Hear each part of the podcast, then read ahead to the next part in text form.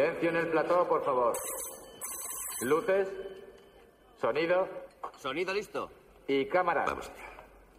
Escena 2.15, toma 1. Acción.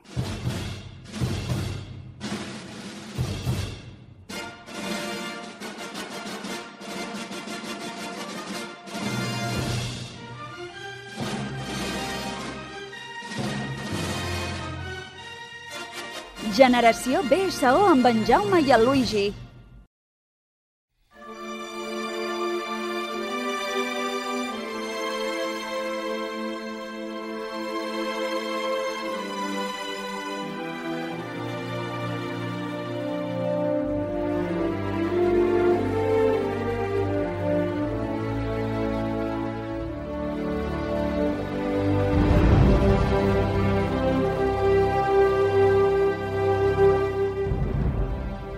Benvingudes i benvinguts al Generació BCO, el programa de cinema, sèries i bandes sonores de Ràdio Sabadell.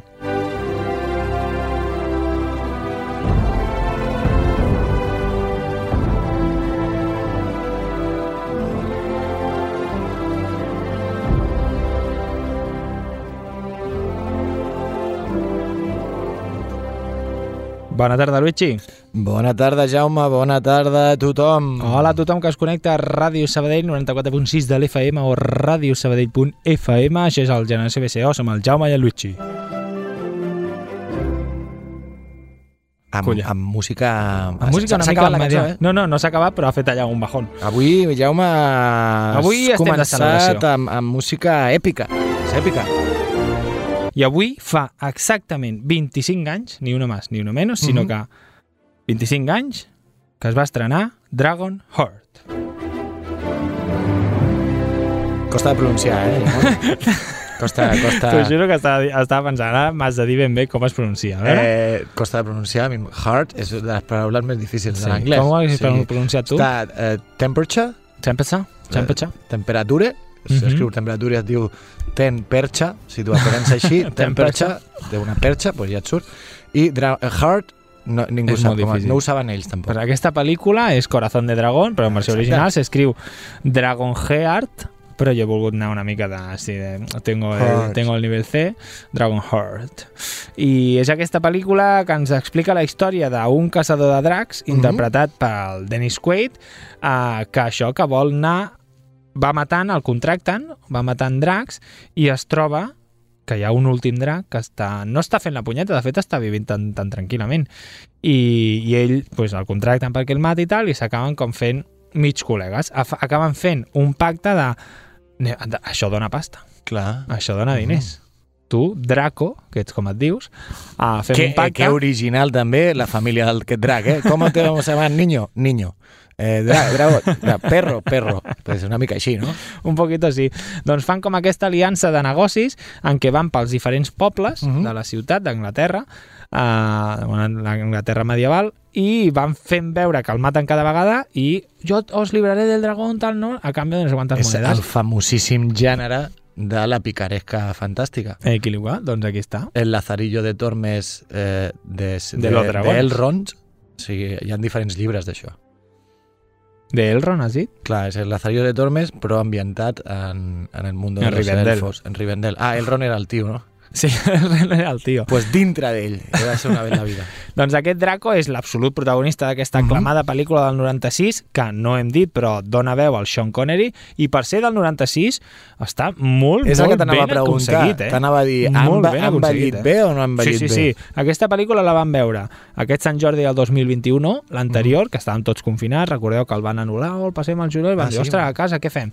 Doncs mira, posarem tot de llibres que tenim d'altres Sant Jordis i mirarem una pel·li de dracs. Quin, uh, una de les que parlarem avui l'hem vist 10.000 milions de cops. Doncs va, anem a veure aquesta.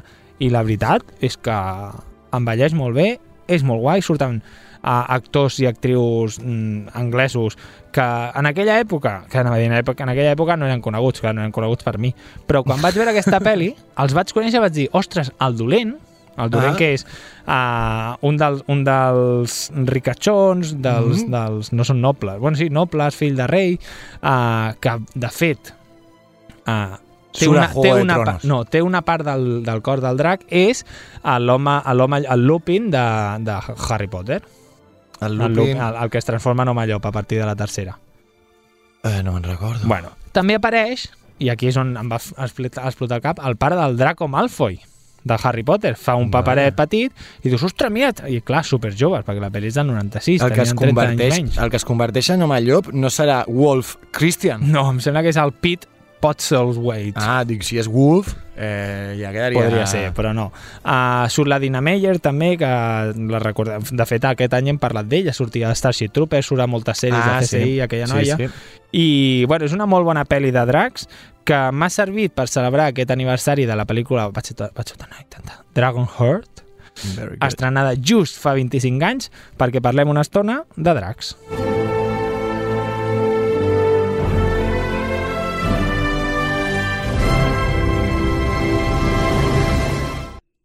I aquest serà el temazo que ens acompanyarà durant el fons d'avui. Uh, què creus que vaig escriure uh, a Google per trobar Mhm. dracs que hagin influenciat o que dius, ostres, mira, d'aquest molaria parlar? Quina és la frase que vaig apuntar? La frase, eh, dracs dels que molaria parlar al generació BSO.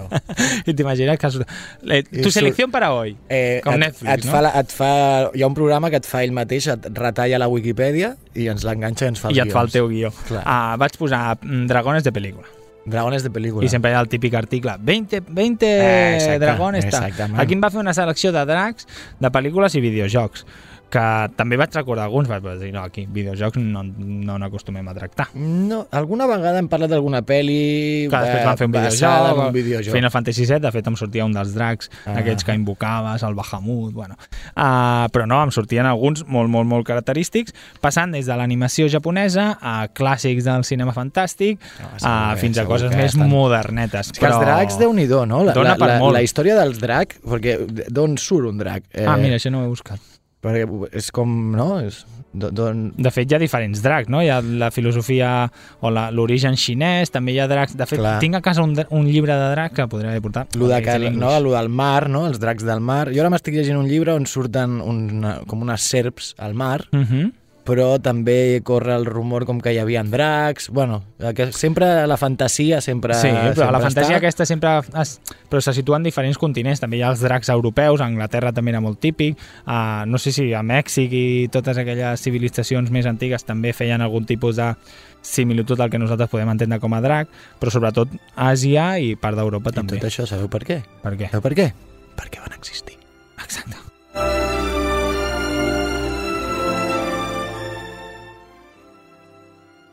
I com no podia faltar, A veure, podien a veure. no haver faltat molts, però vaig dir, ostres, Ah, jo una el- pel·lícula que a més coincideix que fa anys també, perquè ara fa exactament 20 anys, no, Mhm. no és el mateix dia, eh? ja seria mm, fila massa prim, però fa 20 anys que es va estrenar a, el viatge de Chihiro. Hombre. El viatge de Chihiro, pel·lícula indispensable de l'estudio Ghibli on les hagi, i un dels personatges, a veure, no passa res que ho digui, no? Fa- Jo sóc molt més de, de...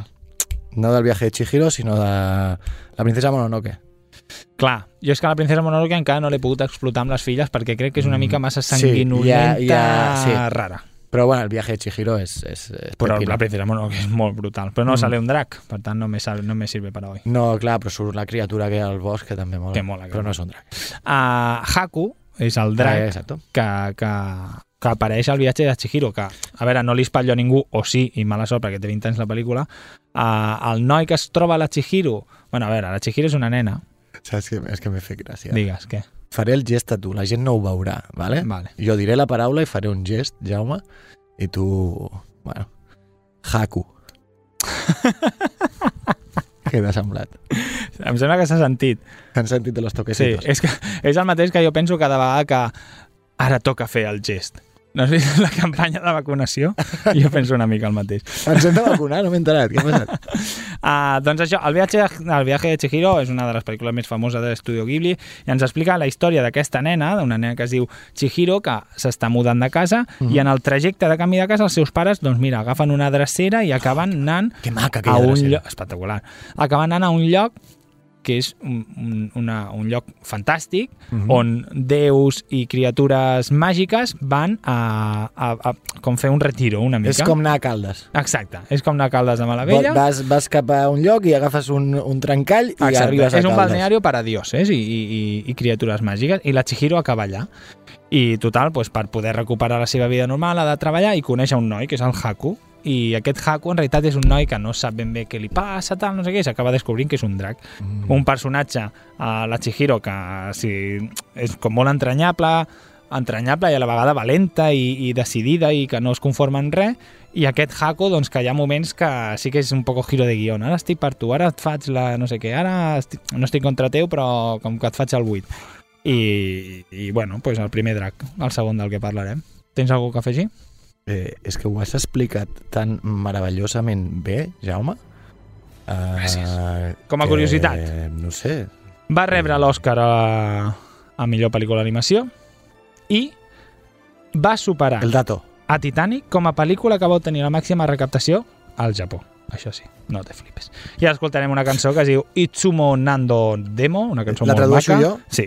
Eh, sempre amb mi, diria que, que vol dir. Sí, del, del poc japonès que... Doncs pues anem a escoltar. Itsu...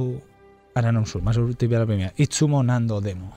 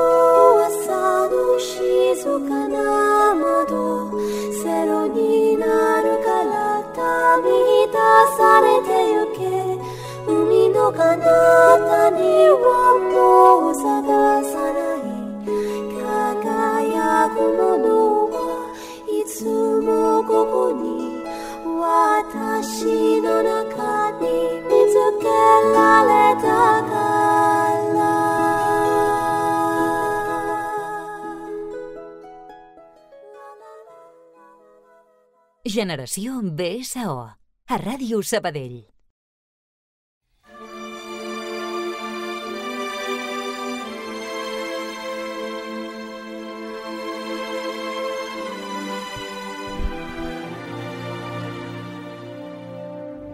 És ben bé, Jaume, aquest fons pot ser de pel·lícula èpica com d'una comèdia familiar en una casa, saps? Sí que és veritat, al principi. Al principi, ja no. ara no. Però al principi, Un poc torna, John torna a posar des del principi. A veure, imagineu-vos tothom eh, una, una família que arriba amb el cotxe a casa, no? I es baixen, saluden al veí. Ah, acabem d'arribar. Però se está mascando la tragedia una mica, eh, també. És com... Psh, un cotxe atropella al niño pequeño. Sí o no? Serveix per les dues, les dues bandes. Uh, seguirem? Sí, Seguim, sí, sí, perdó, seguirem? perdó. No, no, no, molt bé la teva aportació.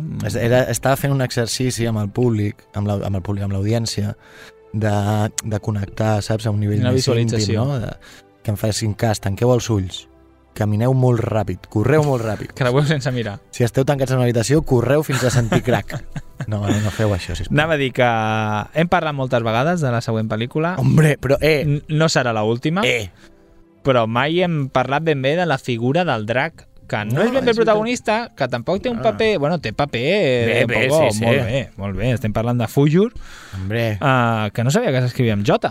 Fujur. Fujur. Depèn de- de- d'on d'on ho busquis. jo crec. Luigi, explica'ns. Never Ending Story, en alemany Die Unglücksgeschichte. Die Ah.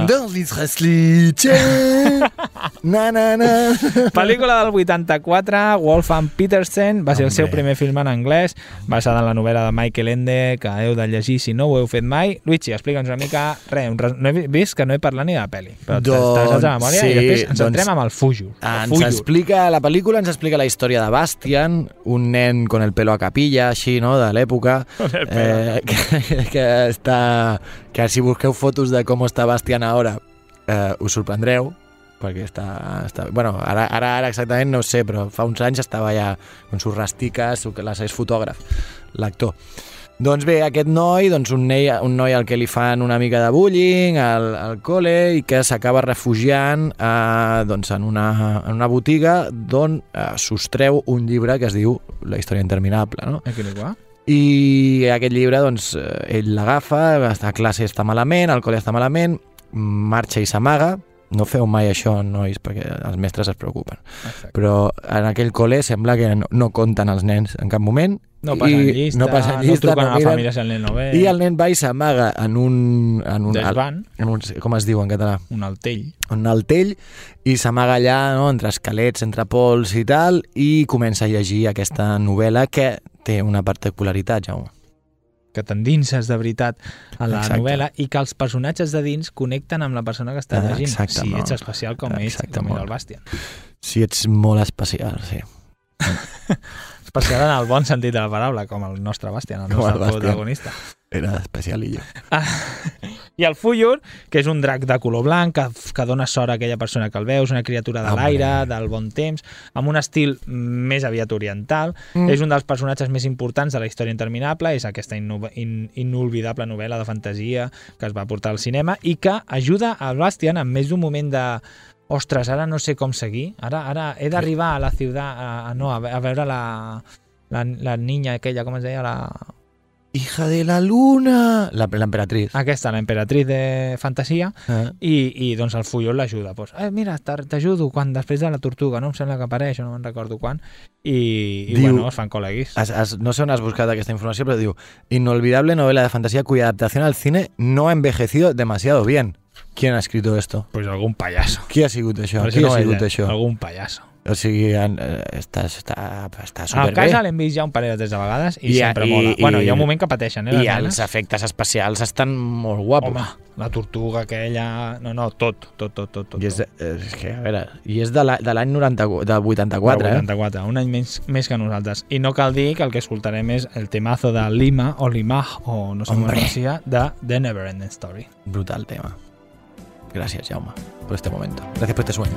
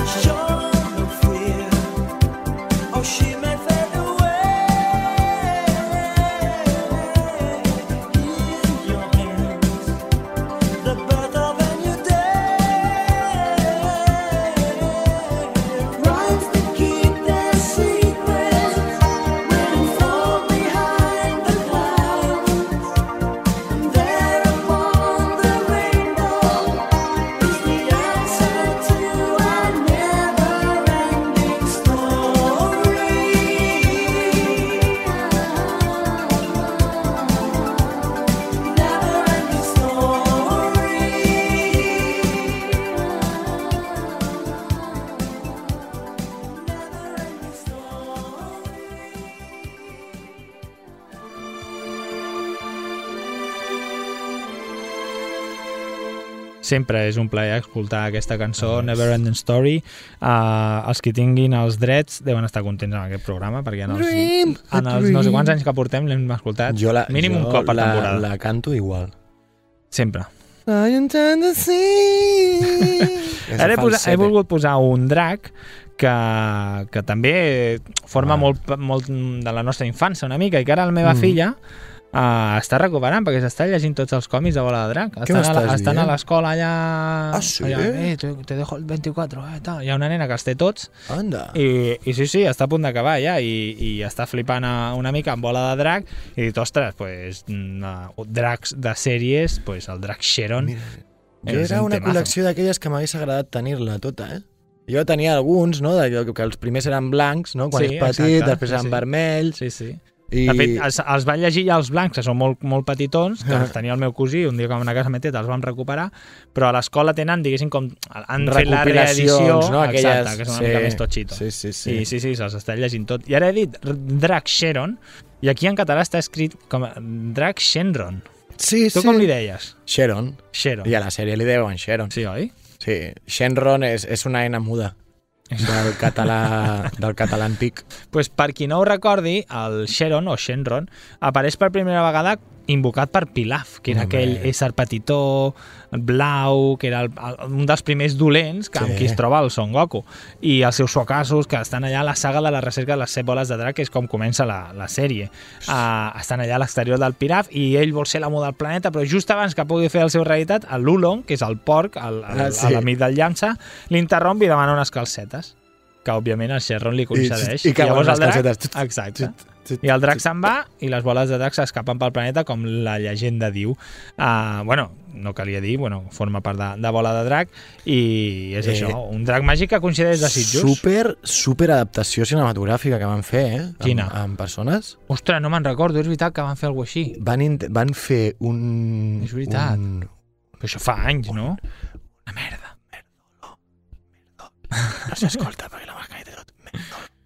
Eh, espectacular, o sigui, una cosa que com per tirar a la tele. O sigui, jo, bueno, jo em vaig enfadar. Tu la, però no la van estrenar ni al cine, això. Això, segurament sí, en el seu moment, sí, sí, sí.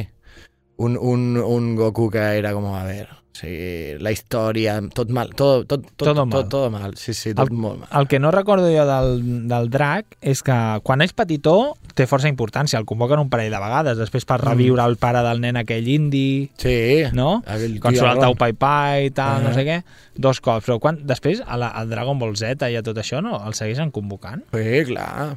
El, el que ja el tenen com a... Com a col·legui. Eh, com en un WhatsApp, no? No, però ja després el, van a buscar les, buscar les boles de drac és... Xu, xu, xu, xu, xu. Ah, van en un Canvi moment. instantani, pum, pum, pum. Ah, vaig, bueno, agafo, vaig volant, les pillo Perquè, i clar, vinga. perquè deixa de ser el, el motiu principal. Clar. Després sí que hi petitó- ha el, el GT, Mm. que és quan va van a buscar les boles del drac, però de l'espacio.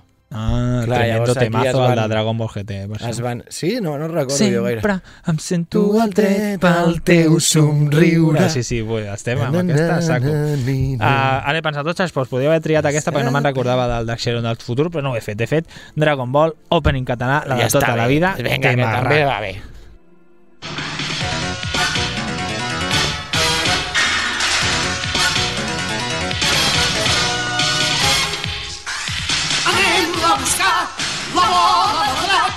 Envoltada d'un misteri és un gran secret.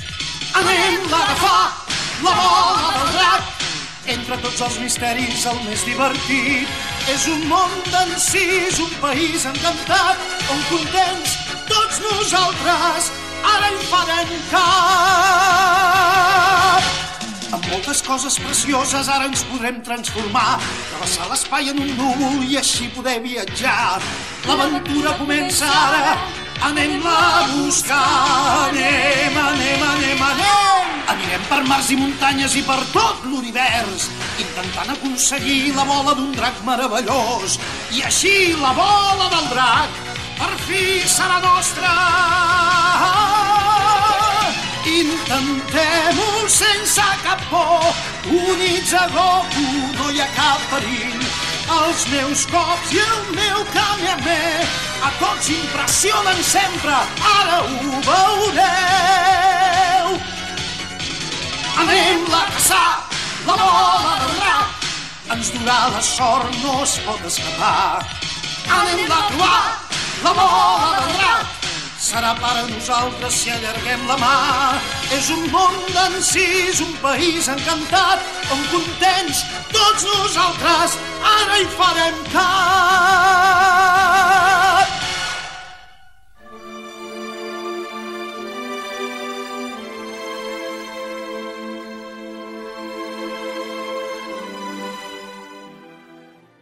Generació BSO, amb el Jaume i el Luigi. Com mola cantar Bola de Drac. Mola molt. Ai, mira, m'acabo de recordar una cosa. Eh, envio una salutació. ¿Se puede? Puc, Sí. puc enviar una salutació? Fes, fes. Eh, salutacions, Helios, que sé que ens escoltes. Ah, sí? Moltes gràcies. A la Helios. És l'Helios que jo conec? Sí, A la Helios, què tal? l'altre dia vaig parlar amb ell i, i va dir que escoltava el programa. Ah, sí? Mm. Ostres, I dic, doncs aquí té, això és la prova, en realitat és una prova. Diré una paraula i quan ens tornem... Mira, sí, sí, diré una paraula i quan ens tornem a la veure, paraula clau és... quan la vida ens torni a juntar en algun moment, m'has de dir escafandra. Li has posat difícil, eh? Ja està, no me'n recordaré jo. Quan a mi Ah. digui escafandra diré, què dice? ¿Qué dice? ¿Qué, qué me has dicho? uh, doncs, bueno, acabem la, la petita secció de dracs, la meitat del programa, parlant d'una pel·lícula també que ha fet una bona franquícia, que, que és aquesta Fúria Nocturna, estem parlant de com ensinistar el teu drac, una pel·lícula que Fúria ens explica... nocturna, què és? Fúria Nocturna és el, és el nom del drac. Té nom de, de, de pel·li de, no? de Fast and Furious. Sí, una mica. Fúria Ah, nocturna. aqu aquestes pel·lis, que no estan mal... O superheroi. ah, estan basades en un llibre, sí? Uh, d'una tal Cressida Cowell, que ens explica una mica uh, una, una ciutat més aviat de vikings on viuen tranquil·lament, l'únic que de tant en tant s'han d'enfrontar els dracs i sempre s'ha ensenyat a tothom a que els dracs s'han de, de matar, se'ls ha d'atrapar, no sé què. I un dels, el fill del poblat, sempre com acostuma a ser el fill del poblat, allà el, el fill del jefe, Del jefazo. uh, pues no veu gaire clar això de, de, de matar dracs i acaba descobrint doncs, que els dracs no són el que ens han dit que són que poden ser bons. Clar, perquè com viu entre cotons pot parar-se pensant això. Exacte, si fueses un hijo de un camperol de verdad que se Estaries están comiendo ahí las tierras. i menjant dracs. Exacte, pues acaba fent-se molt amic d'un Fúria Nocturna, que és el drac més perillós o, o més difícil d'atrapar, i, i s'estableix aquesta connexió, amistat, que, que és xula, i n'ha fet Mhm. tres pel·lícules, una sèrie, no sé què, i no està mal, i els personatges... El que és divertit és com, com, com recreen els dracs, en què cadascú té diferents qualitats, tots tenen set llançaments de, de, de foc, alguns combinen doncs un cap treu, treu un gas verinós i l'altre una espurna que fa capet i bueno, la, els dracs molen, tot, estan tot guais. això, I tot això a les, a les pel·lis, no? Sí, sí, a les pel·lis. No sé si el, el llibre també, però l'animació és molt xula també, mm. i és del mateix estudi de Rec, Madagascar, Kung Fu Panda, i, i són pel·lis que als nens i nenes acostumen a agradar molt perquè són com d'aventurilles que estan guais. Saps qui li posa veu? Qui? Eh, Gerardo Mantequilla. No sé qui. Gerard Butler, eh, que eres? Eso es Butter, eh? Butler. Ah, no, Butler. Gerardo eh, eh, Mayordomo. Butler és mayordomo? No es diu Butler, Mayordomo? El que sí que pot dir que és a la tercera part, Butter. la, a- això que fan els dobladors espanyols, que no són dobladors, sinó que "Ah, vamos a coger un famosillo que lo va a hacer súper bien. Pues hi ha un personatge, un, el dolent de la tercera part, que lo dobla Melendi. I si voleu riure, escolteu el podcast d'Anna Polo, ai, d'Anna Polo i Oye Sherman, que es diu Oye Sherman, que hi ha un, un episodi, no me'n recordo què, en què van, van posant talls del, del penós doblatge del, del, del, Del- Melendi, se'n van enfotent i, i riureu molt. Uh, nosaltres no ho farem perquè ja ho han fet No. elles i més bé que elles no ho podem fer. Nosaltres el que farem serà pues, escoltar una de les cançons de la, de la, de la pel·lícula, Sembla que és perfecte. Sticks and Stones d'un tal Johnsy. Pals i pedres. Exacte. Que és la, la cançó amb la que acaba la pel·lícula. I slope in my blondie by the sun. Now Orange and white and red, green and yellow. Rainbow colors tonight I see that you Stood beside, go through. I kiss the light, the up the you Everything bright, your songs burning tunes The look in your eyes, break the bones into hell Scream and shout into love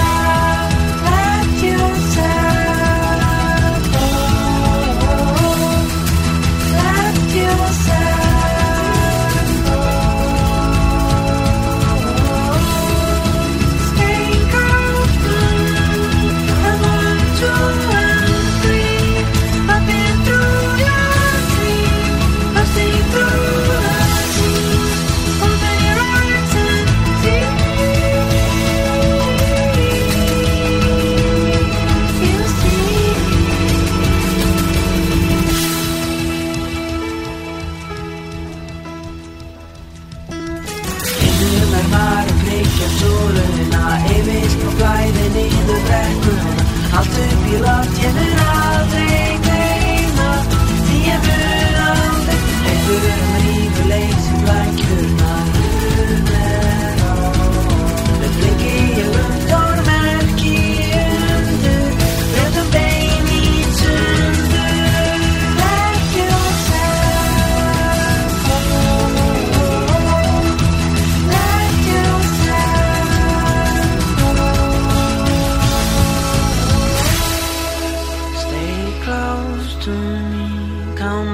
two and three. Hopping through your sleeve, bursting through the seam. Open your eyes and see.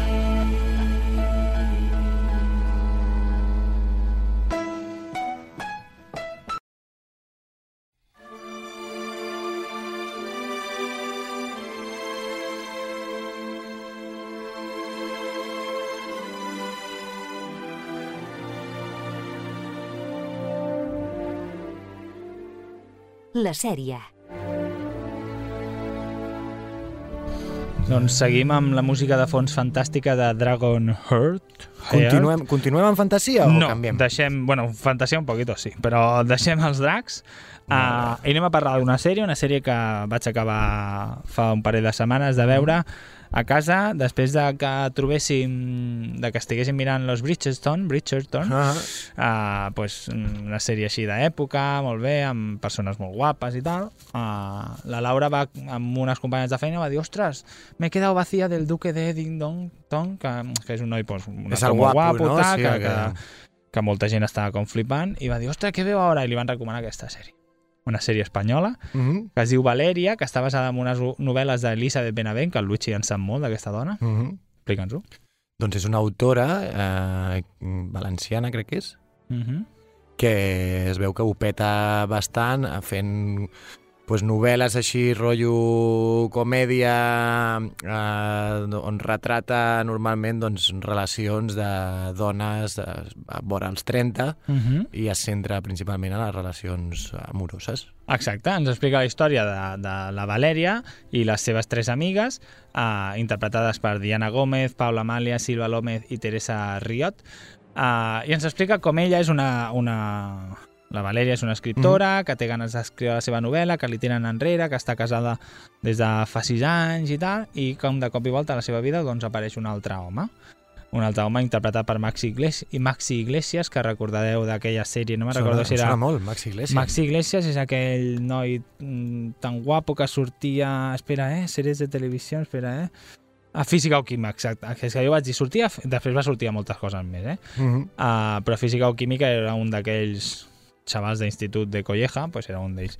I, I total, pues ens explica això, diferents coses. Una de les, de les amigues és lesbiana, encara no ha sortit de l'armari i tal, no sé què, té com, com, com molta por de dir-li als pares. Una altra noia que és molt insegura, treballa en una agència de, de publicitat. I bueno, les relacions que tenen entre elles d'amistat i després que s'enfoca una mica cadascú. És una sèrie que, que, que parla molt obertament de sexe, que hi ha escenes no explícites però de, de molt contingut sexual i tal, Uh, i, i ara aquí, a veure, les converses que hem tingut de sofà la Laura i jo, eh? que intenta, i molt, hi ha mol- molts moments que, que, que intenta trencar una llança en favor de pues, les noves maneres d'estimar, les noves Mhm. maneres de relacionar-se, de tenir sexe i tal, no sé què, però acaba caient després en uns topicazos que dius, ostres, però esto què és? Però esto, esto què és? Jo, I- el que he escoltat, jo no he llegit les novel·les ni, ni he vist la sèrie, però he escoltat que diuen això, no? que la sèrie, a la gent que li agraden les novel·les, la va decebre una mica. que no m'he llegit les novel·les, dubto molt que ho faci. La sèrie, mira, són 8 capítols de 40 minuts. Ara fa si poc no... ha sortit una nova, eh? Ah, sí? de l'Elisabet Benavent. Doncs pues mira, no aniré a comprar-la. Si, si no tens res millor a veure, que, que segur que coses millor a veure tenia. Vull dir que perquè l'oferta és molt àmplia. Però era allò que portava 5, ja, va, va, anem a veure el- els tres últims. El que sí que pot que té molt bo la sèrie, se li pot reconèixer, és la banda sonora. La banda sonora és molt guai, surten cançons molt guai, escoltarem un temazo. El que també és molt guai és, no la capçalera, sí que és la capçalera, però cada episodi fa Mhm. com un petit muntatge, tipus, no diorama, però com una, un visual thinking del que passarà en aquell capítol. Un visual thinking, què, Sí. sí. què, què dius? No un visual thinking, sinó però que visualment moltes Pues, idees que tu acunyat- dius... Has acunyat tu el terme No, no, no, no, visual thinking Oh, existeix. visual thinking. Existeix. Però que tu, amb el que t'està veient en aquell moment, Penses. després diràs, ah, vale, mira, tal. I això està bé. I la banda sonora. La sèrie, a veure, mm, el Maxi Iglesias té una colleja, però tremenda, el, el personatge que fa. I el, i el marit de la- d'això també. L'Ibrahim Al-Shami, Mhm. també. I les noies, pues, no ho fa malament, però clar, la, Laia, la Laura deia, "Sí, jo ja vaig veure aquell, saps? Vull dir, televisió Ja, espanyola que no cal que em no. feu aquesta sèrie. Vull dir que no ho necessito. Però bueno, clar, suposo que si és que aquesta aneu, noia... aneu com molt de sobrats, Clar, no? molt sobrats. Vosaltres dos. Sí, és que us imagino allà al sofà com l'habitant. O sigui, el vostre cul no arriba a tocar el... el estàveu mirant això con superioritat, de veritat. Un poquito, sí. Que, No, que- con cero atenció. com- Però com anem a escoltar una cançó que es diu Una persona sospechosa d'un grup que es diu Los Punsetes.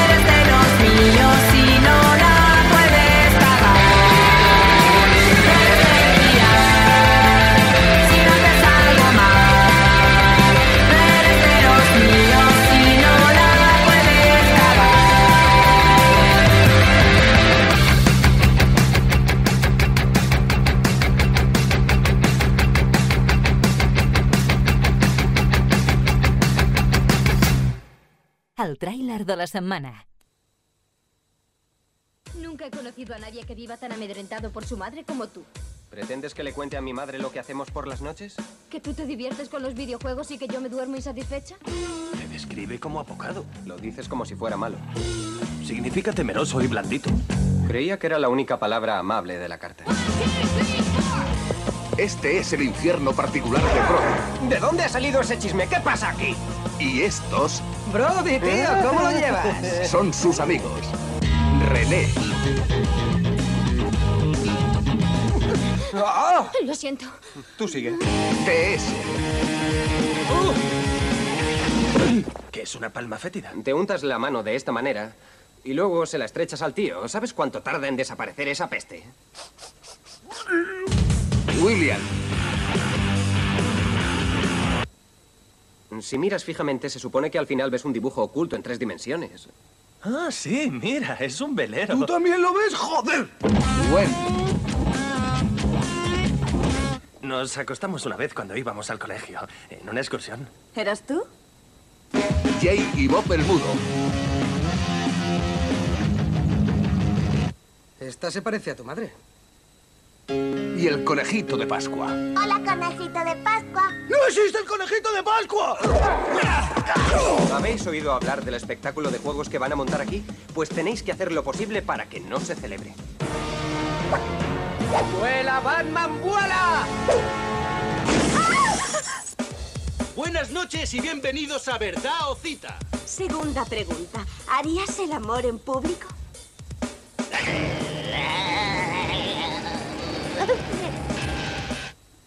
Esa es una pregunta algo personal y no la voy a contestar. Mallrats. Me dijiste que la tenía grande. Cuando una chica te diga que es grande, Quiere decir que la tienes pequeña. ¿Qué otra cosa podíais esperar del director de Clerks? ¡Eh!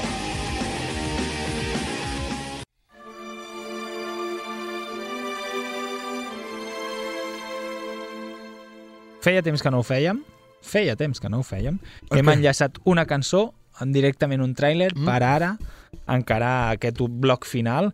Uh, L'altre dia, em sembla que fa un parell de temps de programes vam parlar d'aquella pàgina web que havíem consultat en la seva època, que es diu Kitus Trailer, Kitus Trailer, sí. on un personatge que es, es deu dir Kitus, o es Carlitos, fa dir Kitus. serà? Ah, bueno, no sé. Que, de fet, té centenars de trailers seleccionats a la seva pàgina web i, i hi ha trailers de, de joies del cinema. Aquest i... l'has tret d'allà? Sí.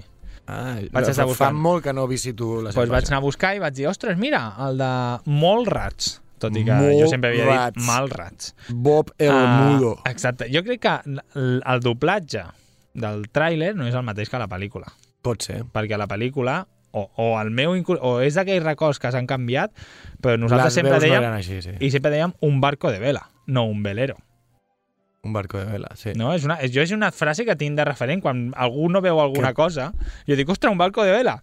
Que molta gent diu, no, què, què coño dices? Ja, la, però això la gent ho diu normalment. Ja. Eh, el, eh, potser el referent el teníem malament. que També ens pot passar, eh? Pot ser, pot ser. Que a vegades sí. ho tenim malament nosaltres perquè l'hem construït així Pot ser. i així se queda. Pot ser.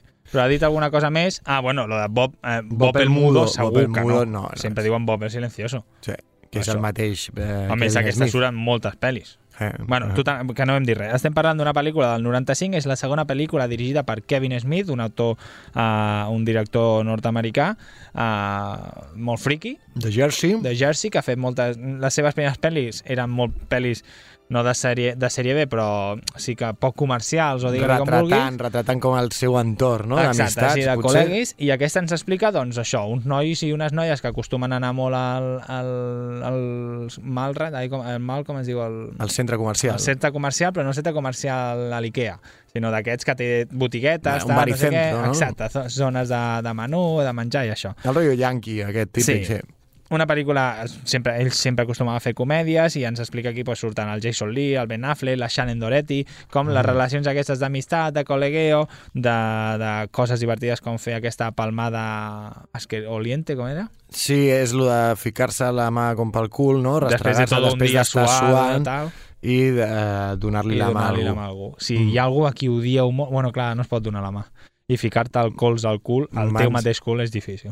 Ostres, però bueno, sempre pots demanar ajuda i, no? I fer-ho amb el cul d'una altra persona. Escolta, has suat molt avui? Vale, deixa'm... Pues mira, ara vaig a saludar el A meu més, jefe. algú, això molaria amb algú que no tinguis molta confiança. Algú que trobes al parc. Mira, em passa rotllo, això. Disculpa, és que vull fer això, però com estem en, aquest, en pandèmia, eh, vull fer servir una arma química diferent. No, però clar, que la qüestió és que no pots donar la mà després. Vull dir, tu la mà te la pots ficar al teu cul. El que no pots després és donar la mà. Bueno, però el, que, però, ah, però, no, però el colze sí.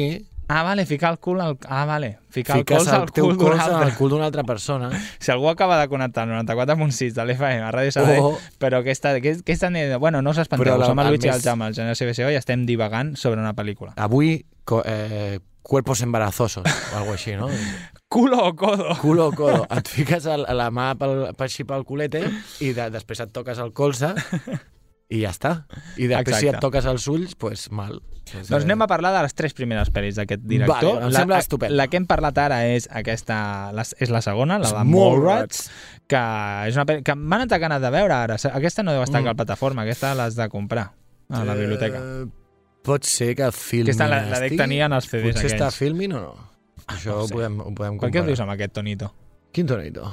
Potser està que, filmin, eh? ¿Qué tonito el de, el de mirar el filming? Eh, porque yo miro cine europeo Cine de calidad. y coreano. Eh, por eso, pues segurament aquesta no hi sigui. A, a, al... Ah, ja no sé què estic dient. Tonteries. Ah, sí, perdó. El Kevin Smith es va estrenar en això del cinema amb la pel·lícula del 94 que es diu Clerks, que en Ah, espanyol és Dependientes, jo això no ho sabia. És una pel·lícula que ens explica bàsicament la, la història de- de- d'un treballador Mhm. d'un d'un d'un no todo hacienda, un, un quiosc d'aquest Sí, de carretera, una mena de- una mica de tot, sí. menjar, a diaris, tal, no sé què, i com ens explica una mica la, el, el, un dia, un dia d'aquest noi. Uh, amb, la, amb el seu col·lega que té un videoclip al, ai, un videoclub al costat, les històries que li passen. És una pel·li molt de converses molt divertides. Mhm. Vale? Molt, molt, molt barata, segurament li va sortir. Mira, I té tenim a. Filmin tenim dos de Kevin Smith. Tenim Toma la ja. de Clerks 2, Una merdola. que és molt dolenta, i Hacemos una porno. Otra mierdola. Sí, després no va, no va remuntar gaire. Vale. Doncs, doncs això, aquesta, aquesta, aquesta pel·li, aquesta Claire, que és la primera, està plena de diàlegs molt divertits, sí. molt absurds, com el que escoltarem ara, que és el diálogo sobre los trabajadores de la estrella de la Hombre, muerte. Hombre. ¿A ti cuál te gustó más? ¿El Jedi o el Imperio contraataca? El Imperio. ¡Qué blasfemia! El Imperio tiene un final mejor.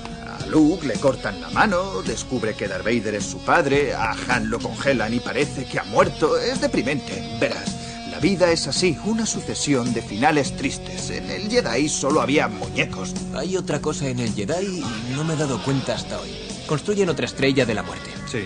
La primera estaba completamente terminada antes de que la destruyeran los rebeldes. La revienta un disparo de Luke. La segunda estaba a medio construir cuando la destruyen. Cortesía de Lando Carlisian. Había algo que no encajaba cuando la vi por primera vez. No sabía lo que era, pero algo no encajaba. Y ahora lo sabes. En la primera estrella de la muerte solo estaba el ejército imperial. A bordo solo había soldados y dignatarios imperialistas. Supongo que sí. Cuando la destruyen, el mal recibe su castigo. ¿Y la segunda estrella qué? La segunda estrella no estaba terminada, aún la estaban construyendo. ¿Y qué? Que una obra de esa magnitud requeriría muchos más hombres de los que había en el ejército imperial. Seguro que tuvieron que contratar a trabajadores autónomos. Albañiles, fontaneros, electricistas. ¿Quieres decir que no eran imperialistas? Exacto. Para poder construirla rápido y en secreto había que contratar a civiles. Un soldado imperial no sabe instalar un retrete, solo sabe matar y llevar uniforme blanco. De acuerdo, contrataron a trabajadores autónomos. ¿Y eso qué importancia tiene? Todos esos inocentes trabajadores también mueren. Son bajas de una guerra que no les atañe. Ponte en su lugar. Tú eres un albañil y el gobierno te ofrece un trabajo bien pagado. Tienes esposa e hijos y una casa en los suburbios. Es un contrato con el gobierno. Tiene toda clase de ventajas. De repente aparecen unos rebeldes que van fundiendo todo lo que pillan con sus rayos láser. A ti ni te va ni te viene, no tienes ideas políticas. Solo intentas ganarte la vida. No me gusta interrumpir, pero ¿de qué estáis hablando? Del retorno del Jedi. Mi amigo quiere convencerme de que los trabajadores autónomos que trabajaban en la segunda estrella de la muerte fueron víctimas inocentes de los rebeldes. Yo soy un trabajador autónomo. Reformas del hogar en el acto. Como albañil os diré que las convicciones políticas son decisivas a la hora de aceptar un trabajo. Por ejemplo, Hace tres semanas me ofrecieron un trabajo. Una mansión preciosa con una parcela enorme. Solo había que arreglar las tejas. Me dijeron que si lo terminaba en un día me pagarían el doble. Después me enteré de quién era la casa. ¿De quién era? De Dominique Bambino. ¿Bambino cara de niño? ¿El gángster? El mismo. La paga era buena, pero el trabajo era peligroso. Yo sé cómo se las gastan esos tipos. Y por eso le pasé el encargo a un amigo. Así se portan los amigos. A la semana siguiente, la familia Forestini tomó al asalto la casa de cara de niño. A mi amigo lo mataron de un tiro. No pudo acabar la obra. Increíble. Yo estoy vivo porque sabía el riesgo que corría trabajando para ese cliente. Mi amigo no tuvo tanta suerte. Todos los trabajadores que estaban en esa estrella de la muerte sabían el riesgo que corrían. Si les mataron fue por su culpa. Hay que hacer caso al corazón, no al bolsillo. Cinema, sèries i bandes sonores. A Ràdio Sabadell.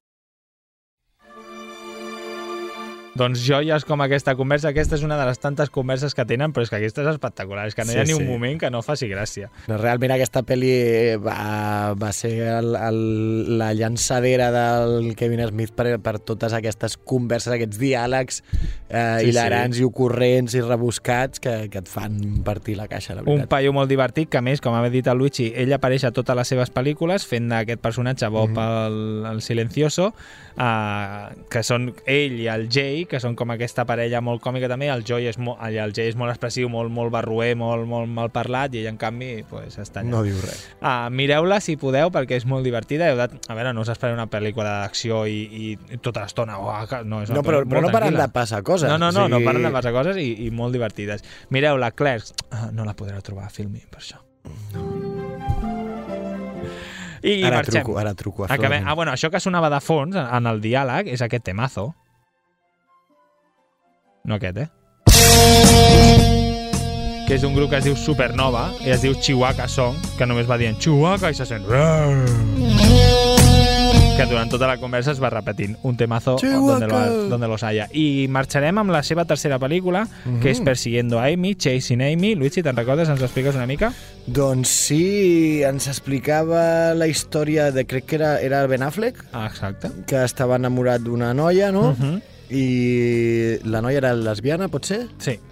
I llavors, doncs, com intenta, intenta lligar amb ella i com es fan amics Exacte, i, i tota la història, no? També hi ha alguna moguda de còmics per allà al mig, Exacte, no? els dos són creadors de còmics independents, el de...